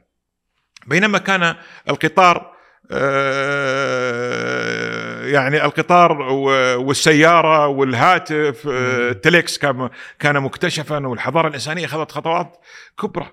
فأن تنقل ذاك المجتمع من بيوت الطين إلى ما نشاهده اليوم. والله إنها أعجوبة. وفي سنوات قليلة. طبعا في وقت قياسي. يا رجل حتى إحنا أصبحنا أنا على الأقل من في جيلي عشت في بيوت الطين في بيت جدي لأمي. أنا والله العظيم زين إحنا عقولنا في رأسنا. لأن يا أخي لا يعقل. هذه التنمية مرينا مرور مراحل زمنية معينة انت تتكلم عن 50 60 سنة في عمر الدول لا شيء لا يعني أنت أنت الآن تعيش في مدينة في الرياض مدينة عصرية بالضبط بينما كنا نلعب إحنا الأزقة. في الأزقة في الشوارع بكرة يعني نيدو آه، يعطونا إياها حليب نيدو كنا نعم، من أول إي نعم. نجمع الغطيان. ويعطونا حليب نيدو وكنت تقول قبل شوي إن ال- الرياض والنجد كانت مدينة طاردة بيئة طارده الآن الناس. يتنافسون للعيش في. الرياض لا طبعا وبيئة جاذبة في اصبحت سنوات 60 70 80 سنة تتكلم ولا وشوف أنت معدلات حتى التعليم. إي نعم. معدلات التقنية. بالضبط. معدلات التفكير الأفكار الخلاقة المطروحة. الطموح يا رجل دع عنك أصلا الحلم. نعم. أن تحلم بمشروع. الناس يتفقون عليه هذه أعجوبة عربية. يا سلام. غير مسبوقة. يا أن سلام يتفقون على مشروع مشروع المستقبل. يا سلام. يا سلام. آه، اتجهت بعدها للعمل المصرفي. صحيح. خليني أخذها بخطوات سريعة. يعني أنت بديت في العمل المصرفي في في أي مصرف؟ في بنك الراجحي. كنت مدير إدارة التسويق. آه. شوف هذه التنقلات الكبرى. إيه فكان إيه. في مشروع في م- كان فيه مشروع لإعادة هيكلة البنك من جديد وانتقل للمصرفية الإسلامية. نعم. بطبيعة الحال جيت أنا و وأصبحت مديرا لإدارة التسويق. من عمل خيري إلى إيه، تسويق إيه. وش النقله والله هذه؟ لأن فريق العمل الموجود إيه. كان طبعا كانوا يعملون في هيئة الإغاثة الإسلامية العالمية أي نعم واساتذه مرموقين منهم الدكتور إبراهيم الغفيري الله يطول في آه. عمره شخصية عملاقة و وأيضا آه، الدكتور إبراهيم استقطبني لل- للعمل في بنك الراجحي لأنه. كان نائب الرئيس للتطوير اي اي وطبعا مع إعادة البناء الجدي في, في البنك فأنا رحت أعيد تأهيل نفسي في المعهد المصرفي. أها. وأيضا عدت للقراءة. جميل. وتحدي كان جديد لكن آه، يعني شغل شو شغلة جديدة العمل المصرفي عموما وال- والتفاصيل اللي فيه كثيرة ومعقدة. و- وبعدها أخذت دبلوم في في المصرفية. صحيح. طبعا آه، لما عملت في المصارف الإسلامية استهواني هذا التخصص وكنت أسأل كثيرا لكن أغلب اللي اسالهم فقهاء وما عندهم هذا وما نعم. ما, ما عندهم هذا ال- ال- الواقع المصرفي. اي نعم. فيتجد اقتصاديين يتجد فقهاء. اي نعم. لكن ما في مصرفية إسلامية بهذه ال- المفهوم ان صح التعبير. فالتحقت بأول برنامج طبعا في الأكاديمية العربية للعلوم المالية والمصرفية في الأردن. و آه، طبعا آه، آه، فالتحقت ببرنامج الدبلوم العالي كي امحو تاريخي السيء في العلوم السياسية؟ تعرف كم مقبول؟ مقبول فلا يعني. بد يجيب جيد جدا مرتفع. حتى تأخذ وحتى ألتحق ببرنامج الماجستير. أي نعم. هذا وفق شروط التعليم العالي ال- الأردني. أي نعم. طبعا وعشت بالأردن. كم جلست في الأردن؟ والله جلست في الأردن دبلوم العالي سنة. في هذا الأثناء كيف أمول نفسي؟ يعني أخذت الأسرة بعد معك. طبعا أخذت ما الاسره شاء الله الأسرة ابدا. جاهزين. والله شناطنا ذي؟ يا طويل العمر. المالي في وقتها؟ معلش؟ على السؤال. والله وضع سيء. اي هذه مخاطرة. ثانية. والله وضع وانت سيء. تقول للشباب لا تخاطرون. وضع سيء. بس سبحان الله يا دكتور كان عندي قلت لك أنا الصوت الداخلي والفأل. تسمع لصوتك الداخلي والف والفأل. آه. والجلد. جميل. وحسن الظن بالله. والتوكل. هذه كلها قيم الناس ما لما تختبرها على أرض الواقع إيه، إيه، إيه. وال- والقراءة تغذي هذه القيم والله قرار ترى مو بسهل إنك تروح ما معك. شيء ولا عندك وظيفة خلصت والله الوظيفة. رحت أنا دائما بالف ريال ومعي ست شنط دائما هالألف ريال في جيبي يعني أذهب أنا أول وظيفة أتم... دائما كان معي ألف ريال بعدين آه، رحت والعجيب إن مع رحت رجعت هيئة الإغاثة الإسلامية العالمية عشان أشتغل آه، أعطوني آه. 700 دينار اردني إيه، راتب عشان تمول نفسك في الظروف. طبعا. وسكنت في شقة واثثتها آه يمكن الله. اثثت آه، 10000 بيت آه ما شاء الله ما شاء الله ف فكنت أشتغل ساعات طويلة وأيضا أذهب والحمد لله آه، أخذت الأول على دفعتي ما شاء الله آه،. عوضت المقبول الأول والله أخذت الأول على دفعتي لأني كنت خايف لأن. لابد قلت لك من شروط التعليم العالي الأردني ان تجيب جيد جدا أو أعلى. حتى تلتحق ببرنامج الماجستير. واضح عندك دبرة ما شاء الله. طبعا. يعني- والتحق والتنبؤ. يعني التنبؤ بمعنى أن المبادرة والتنبؤ وما أنتظر إيه. لا أستسلم للواقع. إيه. لا وحد الدبله ترى أحيانا رزق من الله. يعني الواحد يروح يدبر عمره. بعض الناس يروح يبلش. ما معك شيء. أحيانا بعض في كثير من المبتعثين راحوا ابتعاث على أمل إنهم يلتحقون في برنامج لكن بعضهم ما حالفوا الحظ ورجع. والله قلت لك المعرفة القراءة يا دكتور. أي. أنا أقول القراءة القراءة القراءة وحسن النوايا الطموح ال ال ال أو ما يسميها ابن رشد الحكمة التجريبية. اي اي إن إن تراكم الخبرة لكنها تراكم يشكل الحكمة ما يسمى الحكمة التركيبية يسميها ابن رشد يعني بمعنى إن حياتي هي آه، مجموعة من آه، د- درجات الصعود. إي نعم. كل شيء مبني على الآخر. كأنما أنت تبني بيت إي كبير متخيلة في المستقبل. هنا يأتي التصور. والتصور يموت عادة عندنا في سن السابعة. أنت أها. تعرف لماذا؟ ليش؟ لأن دخلنا المدرسة. آه يعني ذهب الإبداع يجي القمع الآن والإملاء. إي نعم إي. والإملاء والنقل. بالضبط. والتفكير. أما أنا كنت متمرد مم. فبالتالي كنت أفكر والصورة دائما حاضرة في ذهني. كيفك مع الاستشارة؟ في قرارات فيها قرارات كبيرة صراحة اللي صلحتها في سواء ذهابك لهيئة الإغاثة في افغانستان في في باكستان أو في ال- الدراسة في الأردن.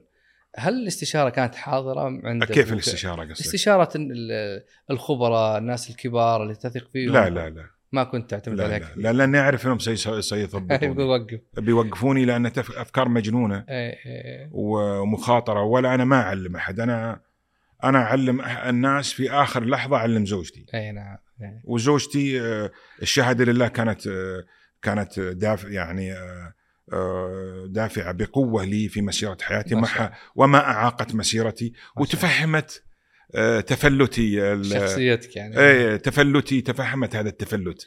لكن يعني هل هذا توجيه من الدكتور يوسف إنه ما نعتمد الاستشارة في قرارات الحاسمة للشباب والناس اللي لا يسمعون؟ لا لا. أنت تعرف أنت ما تبدأ ما تقدر تبني على الاستثناء قاعدة. بالضبط. آه. أي هذا اللي أبغى اوصله إنه أحيانا لا لا. الاستشارة مهمة يا أخي عليه وسلم قال ما خاب من استشار وما ندم من استخار.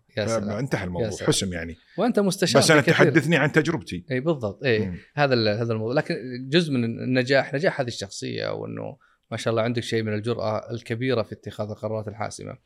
رجعت من الأردن وكملت ال- رجعت بعدين انتقلت لإدارة التدريب. إي نعم. في نفس الرا- البنك البنك الراجحي نعم.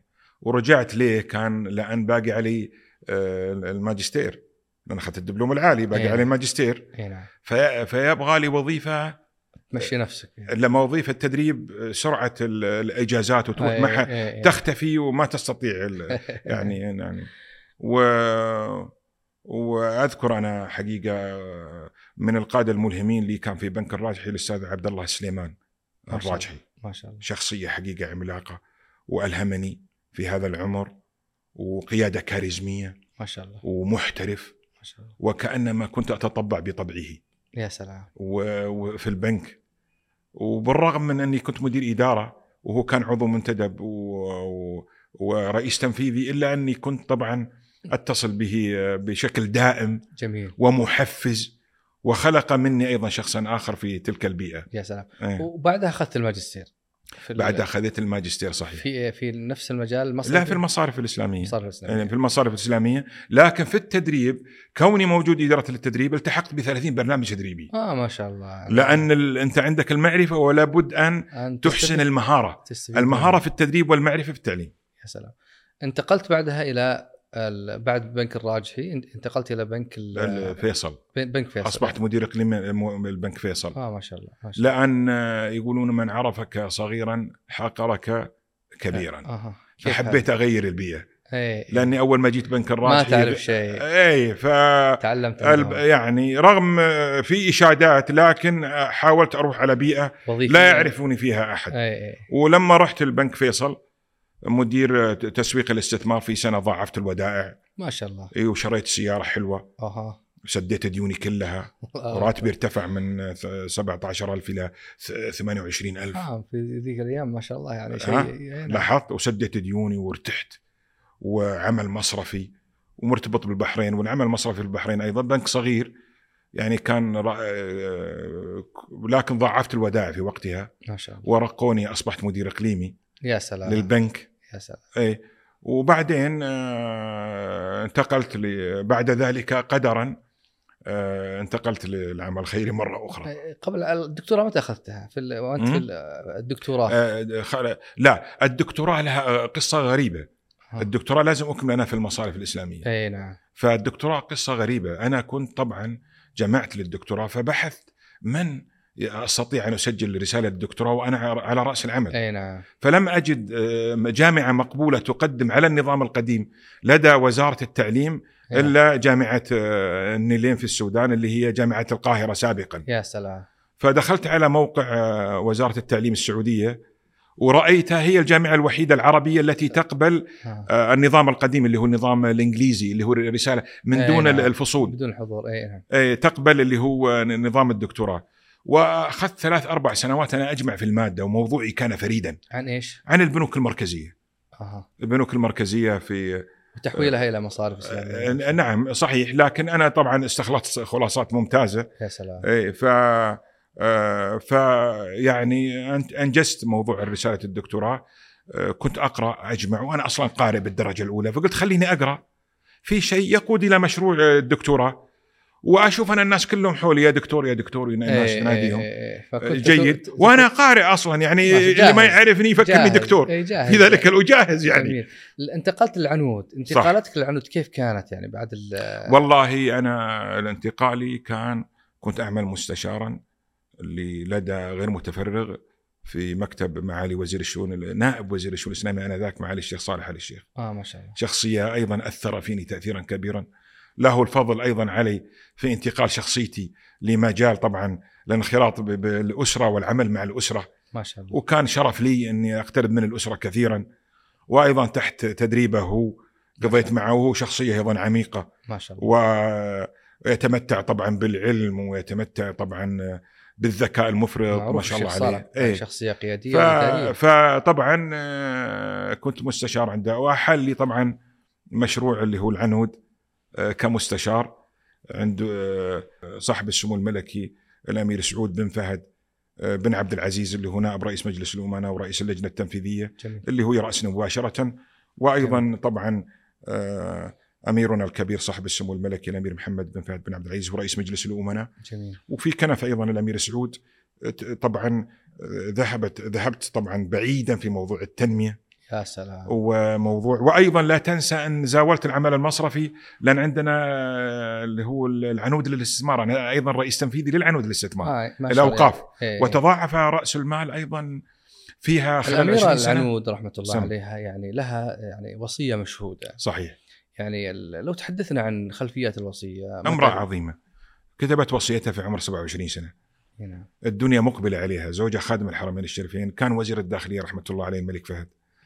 فالعجوبة أنك تكتب آه، وصية في آه، عمر مبكر. الدنيا مقبلة عليك وأنت تفكر بالآخرة جميل. فكتبت وصيتها في ورقة حقيقة وهذه الورقة بفضل طبعا بر أبنائها آه، تحولت إلى مؤسسة عملاقة طبعا تضاعف رأس مالها الأوقاف أربع مرات أنفقت أكثر من مليار خلال. مرور 20 سنة جميل اللي هي مؤسسة العنود الخيرية صحيح. وأنت الأمين العام صحيح. لها في هذه صحيح. الظروف صحيح إيش أبرز المجالات اللي تشتغل فيها المؤسسة الآن؟ والله المؤسسة آه، طبعا آه، إعادة بناء العقل الخيري السعودي جميل قمنا في الزمالة الأوروبية العربية في إدارة المنظمات غير الربحية زمالة الأوقاف زمالة الاقتصاد الاجتماعي وزمالة آه، الاتصال من أجل التنمية أخيرا جميل. وتخرج منها 350 قائد الآن موجودين في القطاع الثالث خلال عشر سنوات. يا سلام. الأمر الثاني اللي هو نقل العمل الخيري من الرعوية للتمكين. لأن جميل. كما تعلم أن التمكين هو المجسر للتنمية. وهذا ما ذكرته في كتابي اللي هو التمكين الأجوبة الكبرى ردا على مم. كتاب أو إكمال الكتاب الدكتور غازي القصيبي التنمية الأج... الأسئلة الكبرى. فكتبت التمكين الأجوبة الكبرى. رصدت فيه تجر... تجربتي التنموية. جميل. ويجيب عن عن هذا التمكين والعنود تفوقت ب... بالتمكين كمصطلح يا سلام. وفي القطاع وإعادة بناء العقل الخيري السعودي والقيادي تحديدا. انت ذكرت إنه أنت انصدمت في الواقع العمل الخيري في في, صحيح. في البدايات صحيح. الآن كيف تقيم ما شاء الله الخيري؟ عليك. شكرا لك دكتور على هذا السؤال. يعني كأنما أنا أنتقم من الماضي. يا سلام. لكن ثأر إيجابي.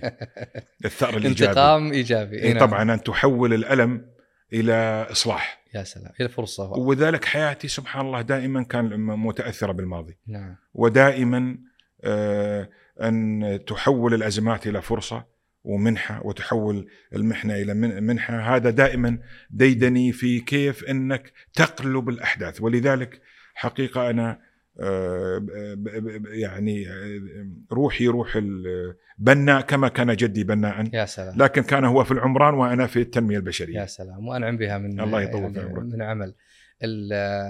مثل ما ذكرت إنه ال- المؤسسة اتجهت لبناء أو تطوير العمل الخيري في. مؤسسات وقطاعات مختلفة. ولا شك إنها جالسة تسد ثغر للأمانة بحكم إني متابع. لله. ثغر كبير في هذا في هذا المجال. الحمد لله. ال- يعني أنا أشوف الدكتور ما شاء الله يعني رحلتك يا أنا أشبهها برحلة البحث عن الذات. صحيح. من مكان ولا زلت على. فكرة. ما شاء الله عليك. والله يا دكتور أنت تستغرب أني لا زال عندي شعور داخلي عميق يا سلام. أنني إلى الآن لم آه، أفجر طاقاتي بما يكفي والله العظيم. عجيب. والله. وأشعر أن هناك فضاءات واسعة وحياة كبيرة تنتظرني ما شاء الله. والله حطيتها في البايو هذا في تويتر اشوفها الله. والله إن حياة كبيرة تنتظرني أنا أزعم أني لا زالت حياتي مبكرة. ما شاء الله. الله يعطيك الصحة والعافية. ما شاء الله. وياك إن شاء والطاقة الله. عالية وال يطول عمرك. والتجربة عالية ما شاء يطول عمرك. يطول عمرك دكتور. يعني خلينا ننتقل إلى موضوع كثرة المجالات اللي عمل فيها الدكتور يوسف. يعني لو عاد بك الزمن. هل تأخذ نفس الخطوات أم يكون لا في تركيز محدد من البداية؟ شوف في الآية الكريمة جميلة اللهم صل على محمد رجل عظيم هذا النبي الكريم. ولو. أعلم الغيب لاستكثرت من الخير. وما مسني السوء. السوء. فترى لا أحد يستطيع أن يتنبأ. المستقبل. فبالتالي ولا يمكن هذا. لكن لو جدلا والله شوف لو عاد بالماضي يمكن كنت ضعف وضعي الآن. إن كان هناك من نجاح. يا سلام. وقللت أخطائي. كان هناك مجالات واسعة أن أكون أفضل مما أنا يا عليه سلام. الان والله يمكن بمقدار الضعف. يا سلام يا سلام. على الأقل. ما في شك بإجراءات بسيطة يعني بوعي بسيط مش يا سلام. لأنه أنا ترى سألت السؤال هذا أعرف إنه لن نرجع للماضي بس حتى صح. المتابع يشوف إنه صح. الدكتور كيف ممكن إنه يعني آه، آه، هذه التجربة الثرية وأوصلته لكن بإمكانه إنه يضاعف صحيح. هذا الجهد. صحيح. هل التركيز كان آه، يعني يعني آه، غائب في ذيك الأيام؟ ما في التركيز شك على ما مجال في- محدد ما في شك ما في شك. آه، نعم أنا أعتقد ال- العاطفة لعبت دور هنا. والعاطفة سبحان الله قرينة القيادة هذه إشكالية. أها. فلا بد أن تكون عاطفيا حتى ينمو عندك قدرة على اكتشاف ال- ال- النفس البشرية. لأن نحن كيف نؤثر بالناس؟ باكتشاف الآخر. صحيح. والتنبؤ بالآخر وقدرتنا على التأثير والاحتواء. وهذه هي القيادة. بالتالي لابد أن أعرفك وبالتالي لابد أتمتع بهذه الطاقة العاطفية الهائلة حتى أقنعك بي من اولا وأقنعك بقيادتي. وأستطيع أن أتعرف عليك. لكن في الجانب الآخر آه، كان علي أن يكون حولي آه، أصدقاء أو على الأقل شخصيات حولي ترشد من هذه العاطفة ويكونون آه، آه، أكثر آه، إن صح التعبير حزما أكثر أكثر دقة في موضوع المال إي نعم إي نعم لاحظت كفاءة الإنفاق.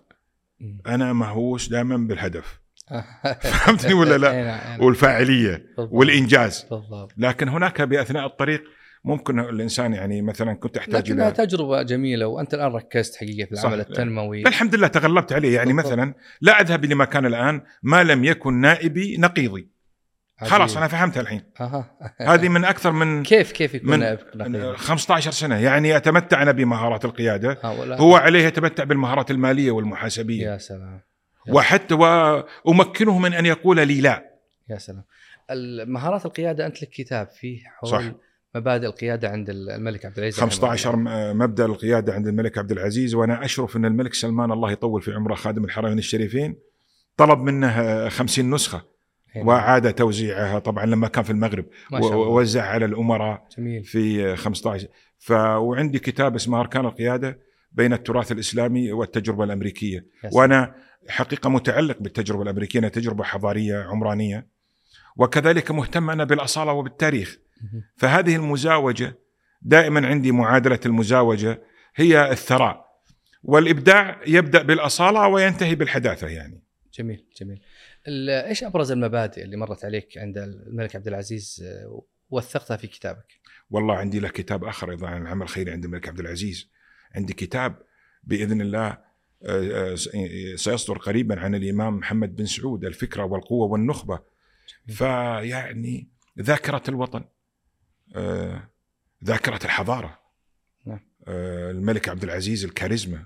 الملك عبد العزيز التأثير. الملك عبد العزيز القدرة على على صهر هذه الجزيرة العربية باتجاه مشروع. توحيد الله في السماء ثم وحدة الناس على الأرض. الملك عبد العزيز النخبة. رجالات عظام. الإرث اللي لا زال الملوك والأبناء القطاع ال- ال- العظام من آل سعود يستمدون هذا يستمدون تلك القيادة الاستراتيجية والقيادة الظرفية التكتيك مرونة الانتقال التقاط روح العصر آه، القرب من الناس ال- آه، المراجعة وسرعة آه،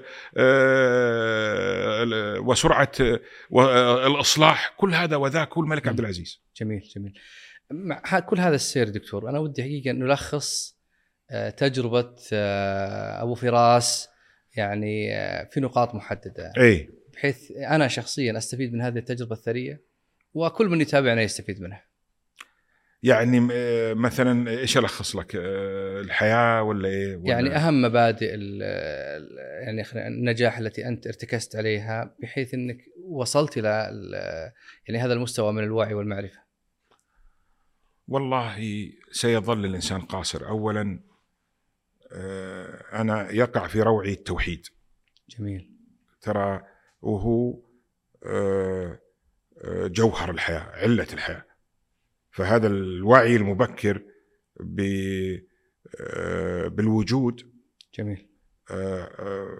حاضر بقوة واثنين اللي مو الموضوع الآخر اللي هو مسألة آه، ال- آه، ال- ال- ال- آه، الشعور والحاجة للاكتشاف جميل. والمعرفة يا سلام. وشغف طرح الأسئلة أها. لابد حنا نعلم أطفالنا وأجيالنا اللي هي موضوع طرح الأسئلة. جميل. والجرأة في طرح الأسئلة وأيضا تلقي الجواب الصحيح جميل. ثم الجواب الصحيح يولد سؤالا آخر جميل. الأمر الثالث وبالتالي لابد أن نعيش في جو آه، من التعايش وجو أيضا من القبول بالآخر والقبول بالمختلف جميل. والأمر الثالث حقيقة يعني خير الناس أنفعهم للناس يا سلام. خير الناس أنفعهم للناس إنما جميل. تغلبون وتنصرون بضعفائكم الأصل أن تنصر بالقوي مش بالضعيف بالضبط. لكن انتصارك للضعيف دائما هو يعبر عن التحضر جميل. جميل. عن التحضر فاعتقد والتواضع آه، ولا يمكن أن تهتم بالضعيف ما لم تكن متواضعا جميل.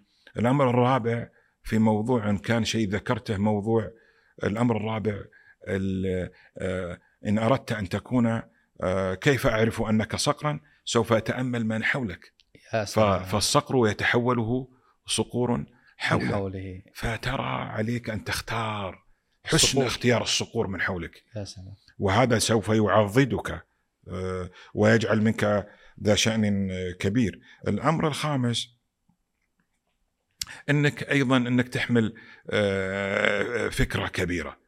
والناس على قدر أفكارها يا سلام. إن فإن أردت يقولون آه، في كتاب لوحيد خان هذا عالم عظيم جدا هندي يقول إن أحد أن اثنان ركب ركبا القطار أحدهما ناظر في الأرض وأخ- والآخر نظر إلى السماء فالذي في السماء نظر إلى النجوم يا سلام. والذي في الأرض نظر إلى الوحل فعليك أن تختار جميل. أن تنظر إلى الوحل أو جميل. أن تشغل أو أن تكون نظرك يعني آه، بحجم السماء أو كما يعني. قال سمو سيدي ولي العهد آه، يكون أحلامنا آه، يعني تمسك يعني تمسك بأيادينا إلى السماء يعني يا سلام يا نعم، سلام نعم. حقيقة وأنا يعني أتأمل هذه السيرة الجميلة وال وهذه الملامح من النجاحات التي مر فيها الدكتور يوسف تذكر يعني كلمة لمحمد علي كلاي يقول الذي لا يملك الشجاعة الكافية لتحمل المخاطر لن يحقق أي شيء في الحياة، أنا لو أحط عنوان لمرحلة الدكتور اللي مر فيها القرار الجريء والاستمرار في الصعود.